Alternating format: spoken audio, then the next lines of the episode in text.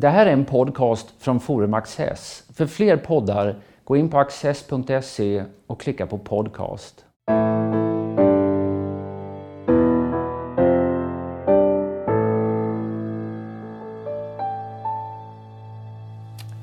Varmt välkomna till Studio Access eh, där vi ska prata om Storbritannien. Eh, och eh, det är ett ämne jag ska tackla tillsammans med min gäst Fraser Nelson som är chefredaktör för Spectator, en, en brittisk veckotidning om politik, samhällsfrågor och kultur. Varmt välkommen Fraser! Jättekul att vara här. Du talar lite svenska? Ja, jag kan tala lite svenska, men inte så bra. Jag, jag, jag har en svensk fru och jag försöker prata svenska hemma. Så. Okay, but we'll we'll switch to yes, English. probably yeah. safest. Okay, we'll do that. Uh, we won't be able to uh, uh, avoid Brexit. We'll mm. come back to Brexit, and, and, one of the effects of the outcome of the of the British referendum on EU membership was that you got a new prime minister, mm. Theresa May. Who is she? It is quite extraordinary that the Brexit vote was about the EU and yet it was seen as a mandate for a new prime minister with a new direction. It hadn't even been, barely been a year since David Cameron's historic majority mm-hmm. and going in a certain direction. When Theresa May comes along thinking, okay, I'm going to use Brexit as my personal mandate to go a whole new different direction. Now, this surprised a lot of people. Nobody really thought that Theresa May would be the Prime Minister. We thought George Osborne or maybe Boris Johnson. But no, she was the most resilient um, candidate, and the exigencies of the internal Tory party machine means that she is now a Prime Minister and one who even Brits don't know very much about. She doesn't like talking very much. She likes to keep herself to herself. She has very few friends politically. She isn't one of these people who has a tribe around them who wants to articulate a vision. She's perhaps one of the most private uh, government ministers I've ever met. She has very little small talk. She likes to be defined by what she does rather than what she says. And she has taken power at a very, very delicate time. She was for Remain in the referendum. Mm-hmm although she was wise enough not to actually campaign for it. So that means that the, the leavers in the Conservative Party can more or less accept her because she was seen as being an unenthusiastic Remainer. But she has dropped all of that. Even a closet Brexiter? Well, probably. People, she did what, what people expected Boris Johnson to do to go through the motions of, of backing the Prime Minister, but without any enthusiasm. Um, so you know, I don't think being in or out of the EU is that that big a deal for her, really. But she has taken the so, what's now regarded as the social causes of the Brexit vote to heart. That if you look at who voted for Brexit, mm. disproportionately, they are people who are poorer, older, less educated, who feel the world is developing in a way not to their advantage, mm. and that they wanted to change course. They won't thought that any course would be better than the course we're on. So Theresa May has seen in this a kind of a personal manifesto to dedicate her government to people who felt they were being ignored and who used the referendum to make that point. Now, of course, that isn't all that was behind the Brexit vote because 52% of the country voted for Brexit. But she wants to, um, but what she has succeeded in doing, and I think this is really quite remarkable, is killing populism stone dead. Britain does not have a populism problem anymore. There's one in Sweden, there's one in France, there's one in most of European countries. But in Britain, we've just got, well, the British National Party, they're the only kind of racist party. Their vote went down by 99% at the last general election. Then you have UKIP. Now, some people might regard them as, as populist, but they are now disintegration. They've lost Nigel Farage. They're struggling to win by elections. Their support is going down. Organisationally, they are dissolving. Um, and the Conservative Party is proving rather popular. And I think this is a, offers a wider lesson to some other countries in Europe that this is how you have, tackle populism. If you respond to people's concerns, populism tends to go away. Now, she has taken a very different vocabulary, a very different form of politics earthier. She has started to say that um, she doesn't like the global elite, people who go to Davos. She thinks that they're citizens of nowhere, you know, taking very hostile language. Um, and as if she doesn't, it is as if she doesn't really believe in there being a left and a right axis anymore. She thinks there's another axis with cosmopolitanism at one angle and then, I don't know, something at the other, Daily Mail, populism, call it what you will, but Theresa May is there. So her politics is more cultural than it is economic. She's sending these signals about, but it's, but it's okay to have pride in your country, that patriotism ought not to be a dirty word, and that you can have a government which is which does not worship at the altar of globalization, but still protects free markets. Now, it's a very difficult combination here, especially to those abroad who tend to see in Brexit Theresa May and Britain pulling out, pulling away, pulling up the drawbridge. But she has gone to great pains to point out in two recent speeches, one at Davos, one in Britain before that, um, that her aim is to reinvent Britain as the world leader in free trade at a time when protectionism is back on the rise in France and the United States. Britain will stand committed to free trade like we were in the 19th century and will try to create a network of other countries who also believe in free trade. Mm. Now, that is her mission. I mean, many threads here. Mm. Uh, one issue might may be a sort of a um, the distinction between substance on the one hand and style on the other. Because when you say that you have the cosmopolitanism on the one end of a scale and you have the Daily Mail on, mm. on the mm-hmm. other side, and you have, I definitely say that Daily Mail is a very populist mm. newspaper. But you say that Theresa May is there, yes. but she's not a populist. Well, so, so, that's uh, that's an interesting distinction that you can take care of those kind of worries or, or um, those um, uh, engage with those issues that that audience is interested in without going down populist alley. Mm-hmm. I think what um, what the, her ex- her experience so far of her short premiership is if you go if you persuade people that you're listening to what they have to say that you don't reject their concerns as being bigoted or xenophobic. That if you talk in a language that is more that is more in common with neglected voters than it is with the metropolitan fashionable elites, then that goes a long way. You don't have to come up with policies, you know, banning immigrants or anything like that. All you need to do is to basically say to people, I hear your concerns. I mean, let's look at David Cameron. He actually, I think, did, did quite a good job here as well. He was, nobody expected him to win a majority in 2015, but he did. And he had a policy of cutting immigration by two thirds. Now, he completely failed in that target, but the fact that he had that target counted for a lot because it meant people thought at least he wanted to control immigration. And there are a lot of parties in Europe right now, and governments in Europe, who wouldn't even say that they want to control it. They think that that is dark territory that they don't want to go down. Now, it's funny. But are you saying that this is only psychology? That as long as you say the right things, people will appreciate that, and and that I'm not saying results do not really matter. I'm not saying it's only psychology, but I think a large part of it is empathy rather than psychology. It is trying to say to voters, I'm on the same wavelength as you. I understand your concerns. They are legitimate concerns. I mean, the concerns people have about immigration are all usually very, very rational. Where are these people going to live because housing is quite constrained? Who's, where are they going to go to school? What impact will they have on the labour market? Will they mean my job is going to be less well paid? What about my children? Will they struggle to find a job? You need somebody to engage in that conversation. And when you do engage in that conversation, it goes a very, very long way towards establishing trust with the electorate and taking away the idea that nobody will listen to them apart from Le Pen and people like that.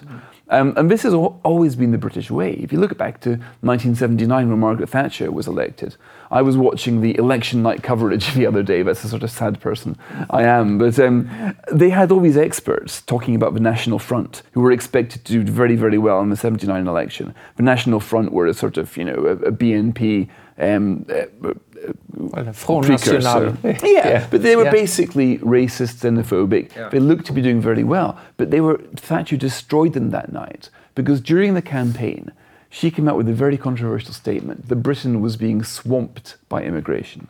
Now, the word swamped was very controversial, was very ugly. She got a lot of criticism for it. But the people who were going to vote National Front saw in Thatcher somebody who was using language that suggested she shared their concerns. And it's just amazing how far that will take you in politics. David Cameron utterly failed to control immigration, but people who were concerned about immigration thought he was on their side, that he shared their objective, even though he wasn't able to achieve it. So, when it comes to fighting populism, I think this is a very important part the language which you use and the extent to which you can empathize with your target voters. I mean, an obvious question now, now that you've mentioned Margaret Thatcher and you have mm. yet another female prime minister, what similarities are there? Not very many. Margaret Thatcher believed in ideas, in principles. She would take out Hayek's Constitution of Liberty, slap it on the table, and say, This is what we believe to her colleagues. And May wouldn't do that. She doesn't have much in the way of ideology. No, she has instincts, but she doesn't believe in ideas very much. She takes from left and from right. Some of her ideas have actually been very, quite, quite protectionist, actually. Mm. She wanted, for example, to have a new law which would restrict foreign companies taking over uh, um, the British ones. She thought, she's mooted the idea of forcing companies to list what percentage of immigrants they've got in their workforce. Now, Thatcher would never do this. And May, to her credit, dropped these ideas pretty quickly. They're very, very bad ideas. They are protectionist ideas. They're ideas that um, that belong in the 1970s. But when we're trying to work out who is Theresa May and what sort of person is she, one of the things that we've learned is that she is somebody who will drop a bad idea, although her initial instincts were more protectionist than they were free market. In her mind, the, the villains of her world are, are certainly people like George Osborne, who was a great believer in globalism, who wouldn't hear a word said against it, who thought that if you didn't like globalization, then, then you were harking back to the past. She disliked that form of merchant banker politics because she thought it gave a sense to conservatives being on the side of the rich and the elite and abandoning the poor. Um, so Thatcher was a great believer in, in principles. There was such a thing as Thatcherism. Mm-hmm. I don't think there will be such a thing as Mayism. May, Theresa May is about a style of government rather than the principles and direction of government. Some commentators have stressed her that she likes to do things in a formal, correct fashion. Yeah. You, you actually discuss things at meetings, uh, not, uh, not at night uh, over drinks? Well, home. that's only half true. I mean, it's certainly, um, I went to see her in number 10 recently, and um, when I went to see Cameron, he had a sofa in the corner. That's how he liked to do his business sofas. The sofa had vanished. There was a table with some chairs. It was quite formal. Um, but when it comes to discussion, she isn't actually that good at discussing things openly with her colleagues. She doesn't quite like debate. She prefers to go out of the room and talk to her special advisors and discuss things with people who she trusts she doesn't her circle of trust is very small really. There are about two people in it. Okay. um, and nick timothy and um, fiona hill are two special advisors. Um, so she's very slow to trust other people. So it's not the case that they come and collectively decide what the but she does believe in formal protocol. There are a lot more cabinet subcommittees. I was just t- telling you earlier about the idea of um, restricting who can take over british companies. Now that was killed off in one of her committees she had an economic affairs subcommittee, which she chairs. Mm. She had the chancellor, the business secretary, the Brexit secretary, and they were all saying to her, "You must be crazy, Prime Minister. This idea. This is look, look at the French. They used this national interest test to try to stop Pepsi Cola taking over Danone as a yogurt maker. There's no national interest in yogurt. Mm. This is why we've laughed at the French for 30 years. We can't do this ourselves. We're British." And she allowed herself in that committee to drop the idea. Mm. So I wouldn't say there was discussion, but not only did she create the committee, but she respected the dynamics of that committee. So she allows herself to be talked out of positions in a way that Gordon Brown wouldn't have, and David Cameron probably wouldn't have. So I, I would say it's more, more formal, less discursive, but certainly quite encouraging, actually, from what we've seen so far. In an interview, um, when you commented on, on the Brexit result, the Leave result of the referendum, you, you said that it'll be difficult for the Conservative Party to reunite mm. after this campaign. Uh, how have things turned out? This has been the giant surprise that the Conservative Party, who are at each other's throats, ready to tear each other apart throughout the campaign, have united so quickly, so completely. We've just had um, vote after vote after vote in the House of Commons about triggering Article 50. And during that vote, the Conservative Party united. It was incredible to watch. You had Leavers and Remainers sitting next to each other in the benches, chatting. And it was the Labour Party that was split by the Brexit vote, not the Conservatives. There were four front bench resignations from Jeremy Corbyn's team. Um, as in this Brexit, there were no resignations from the Conservative Party. So what has happened is this Tories, sure, they might disagree with each other, but fundamentally, we are leaving the European Union and nobody seriously disagrees with that. So, in a way, there's nothing to fight over anymore. The other thing is what Tories like most of all, more than sovereignty, is they like being in power. And they look at Jeremy Corbyn and they see a man who's going to let them be in power not just until 2020, but probably until the middle of the next decade. If they can keep their act together, if they can keep it together somehow, then they can get perhaps nine more years of power.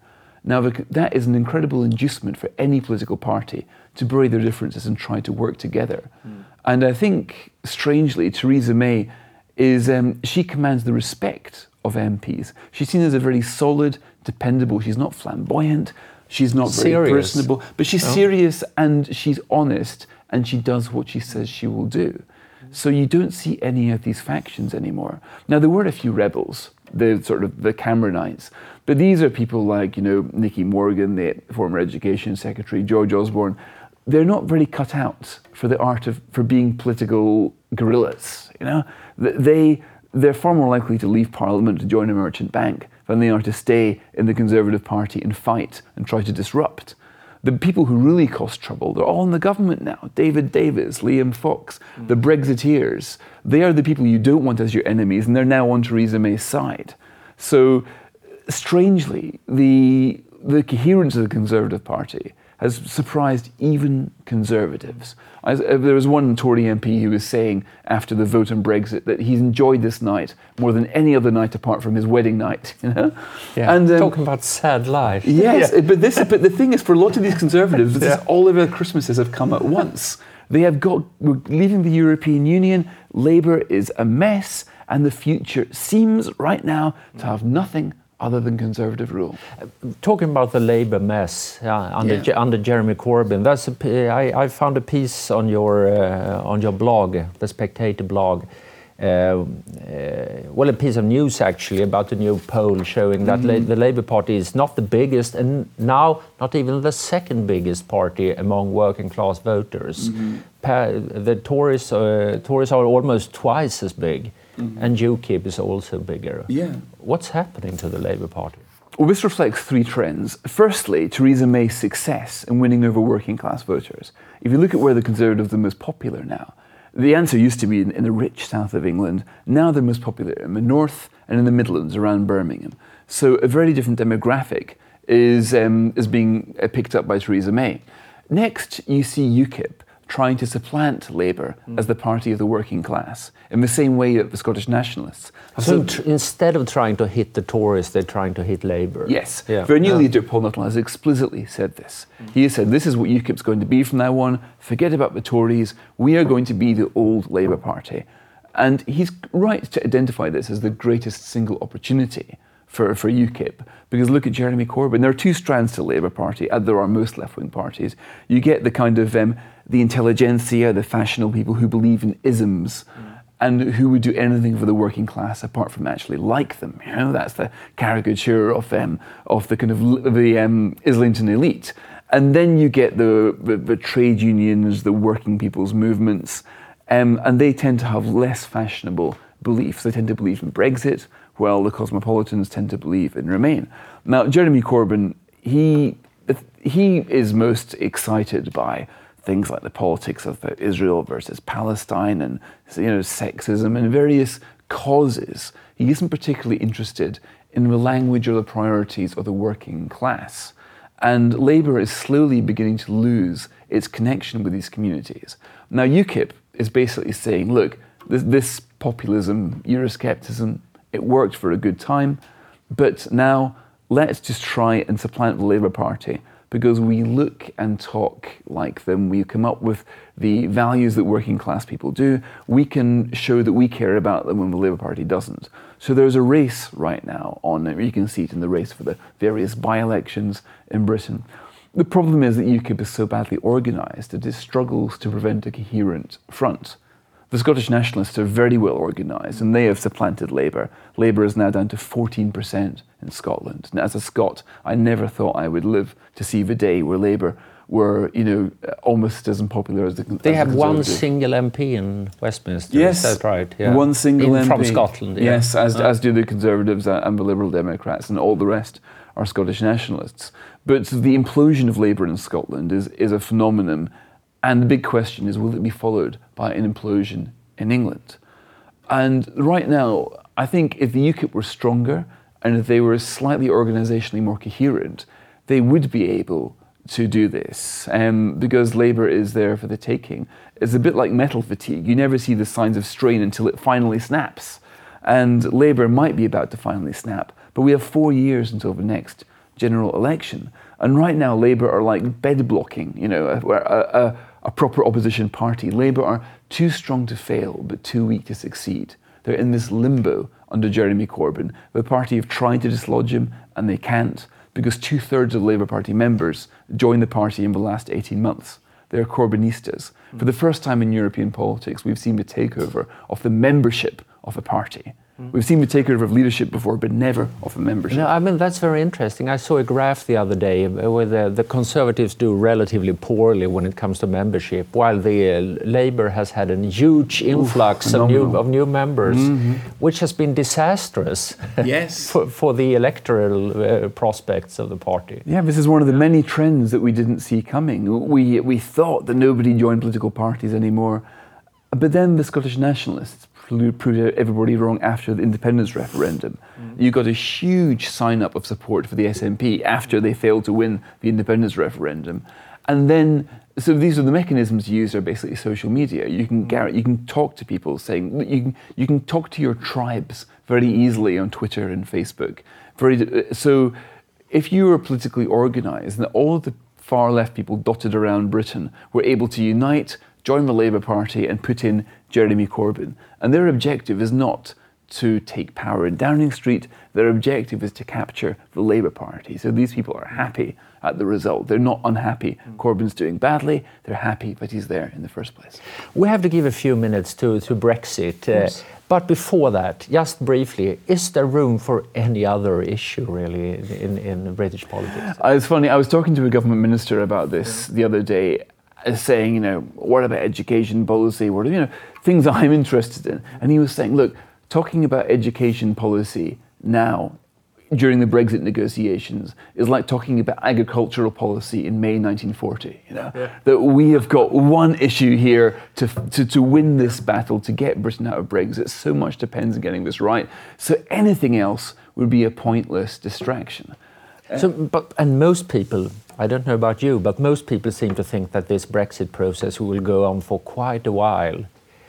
Article 50 uh, is supposed to be, uh, which is part Two of the. Lisbon Treaty, yeah, is supposed to be invoked in March, and then Yes. uh, the, the, it states that negotiations must be finished within two years. Mm-hmm. And Theresa May has said that she wants all negotiations, basically, with the EU to be finished in two years' She time. does. Do you believe that? Yes, I do, and I'll tell you Really, why. really? Yeah, You're- uh, you no, tell, I mean, you're the first one I meet. to- Yes, because you know, because the thing is that in, in, in- in Brussels they're saying, "Oh, you must be joking. Look at the legal complications. There's no way we can get this done in two years." But they forget what is very important for Theresa May. She does not want to have a general election in 2020 with Britain still having not left the EU, because if she does that, she can't go after May 2020. That's the absolute maximum. And if Britain's still in the EU, then then the election becomes another referendum campaign. And then the Labour Party gets a lot more support than they would otherwise get because they become the party of Remain. Yeah, but membership will end before uh, 2020 if Article 50 is invoked. In, in, well, In March. is it in March 17? But then- the then two, two years will be March 2019. Yes. And so, sh- look, it might drag on a little bit, but not for much after that. I mean, say for example, they, they, they come to something, but it's been it has to be ratified in various parliaments. Oh, yeah, well, There's okay, all yeah. sorts of mechanisms. You know, we might get the Walloons in Belgium trying to um, you know stop the whole thing again. But I think that she she will not let this drag on because she cannot let it drag on. Mm. She is more prepared, I think, than people realise to walk away to say, right, we've tried to negotiate. You can't do it. But so- if, if, do I get this right? What you're saying now is that the actual exit negotiations will be finished before 2020. Yes. But then there are all kinds of other negotiations. Oh, yes. Trade, uh, new trade deals, newer trade arrangements. uh, Yes. and so, so, so, so right now, our default position is WTO rules. Yes. So at any point, we could do that next week if we wanted to. You know, there is no nothing legally stopping Britain um, walking out. Uh, but by all means, you know, it'd be good, good to try. That's the so-called hard Brexit. Yes, not a word I like to use because I, I, I regard this as a clean Brexit rather than a, a, a hard Brexit. But I personally, I, I struggle to imagine the EU doing a deal with Britain. I think the EU is in not a psychological position to agree to such something as important as this. I can see somebody holding it up in a veto. I cannot see this ending very well at the moment, and it, I think it, it could well be done in stages. I mean, for example, if the negotiations don't go the way that she wants, she could pull out, go to WTO rules, and then try to opt back in on a piece by piece basis on various things if the EU will have it. Now, uh, right now, you might think, well, this is impossible. There's no way that the, um, you know, that that that's Brussels would allow it. But then again, remember these things are reciprocal. So if we put up a um, a ten percent tariff on cars, then Britain is Germany's number one um, customer for cars. The Germans won't like that very much. There is huge incentive for reciprocal free trade agreement. This is what we want to Britain Britain wants to conduct. Um, so I think, and also just think of what might happen in the next two years if Madame Le Pen becomes president of France, for example, and we say it's crazy, but think of all the crazy things that have happened recently, then the EU will have far more difficulty in its hands than a, a deal with Britain. So um, it's strange, but I do. I basically think think that Theresa May will be prepared to walk away. I don't think she'll thinking, well, if I don't get a deal in two years, then I'll give it three years or four years. Now there will be transitional arrangements, and of course the ideal is that Britain gets all of the trading benefits of being in the EU without any of the bureaucracy. And that's the best case scenario. The base scenario is WTO rules with no formal agreements at all. The deal will be somewhere in between those two points. And in a way, it's not really up to Britain to work out where it's going to be. It's going to be up to the, you know, the, the, the 27 other members of the EU. And given that they've got to agree um, unanimously, I think it'll be very difficult to do. So the thing, we're not really sure about this because even I, the trade negotiators that I speak to in London, they're sitting trying to read frantically to work out how is this going to go. Nobody's really done, done it before. Article 50 was never really intended to be used, and because they say now two years and this is an impossibly tight time frame. But Theresa May is working to a deadline of May 2020, and she cannot afford to let it stretch beyond that. We've almost run out of time, but I have to ask you one final question, which is about the United Kingdom. Will the whole United Kingdom remain united in, in, the, in this new scenario? Scotland, Northern Ireland, will they remain uh, parts of the United Kingdom? Yes, I think they will. If you look at support for independence, it's now back down to where it was before Brexit. It's about 45%. If a nationalist want to call another referendum, they'd have to be about 60% in the polls to uh, because they know if they lose two, it will be like Quebec, game over. The oil um, price has really hit Scotland's prospects for financial independence, and uh, the the domestic record of the SNP is catching up with it on the education and especially. Um, so my suspicion is that um, you know I, I can't see it getting any stronger. Um, Nicola Sturgeon is a very effective prime minister. She's very good at making out that Scotland is just desperate to get out of um, out of this union, and and it's really shocked at the, uh, Brexit. But two in five Scots voted for Brexit. About half of English people voted for Brexit. The difference is significant, but it's not night and day. And I think most Scots would want to stay in the single market of the EU. They prefer that. Sorry, of the UK. than trying to leave the UK for the single market of the EU. And be readmitted to the EU. Which they couldn't be anyway because the oh. deficit is so big. And what's more, the Spanish wouldn't allow them because if you know the Scots do that, the Catalans and the Basques will be next. Mm. I mean, Scotland will be vetoed. I don't think this will really. So I'm, I'm optimistic about the Union and about Britain in general. All right, Fraser Nelson, thank you very much being here.